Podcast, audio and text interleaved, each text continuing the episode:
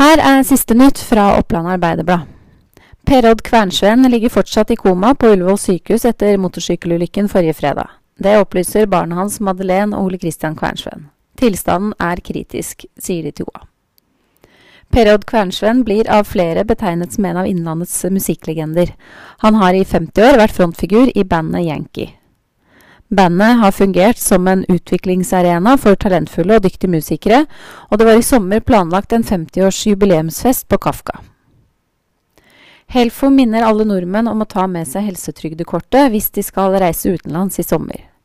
De opplyser at tusenvis av norske turister hvert år får bruk for det når de er på ferie i et EØS-land eller i Sveits. Hvis du må oppsøke offentlig lege eller offentlig sykehus når du er på reise, sikrer helsetrygdekortet deg helsehjelpen du trenger for å kunne fortsette ferien. Ved å vise kortet betaler du egenandel på linje med innbyggerne i landet du besøker. Østre Toten brannvesen ga Fjellvoll bo- og servicesenter beskjed om å bedre brannsikkerheten på senteret. Det var i mai brannvesenet hadde tilsyn. Det ble gitt ett avvik og to anmerkninger. Avviket gjaldt lagring av brennbart materiale i rømningsvei og trapp-trapperom. At politiet tauer inn folk er jo ganske vanlig, men at de gir folk tauehjelp ved motortrøbbel er mer sjeldent. Men det var akkurat slik hjelp politipatruljen ga Arne Andreas Rønning da veteranbilen hans fikk motorstans i Fall lørdag.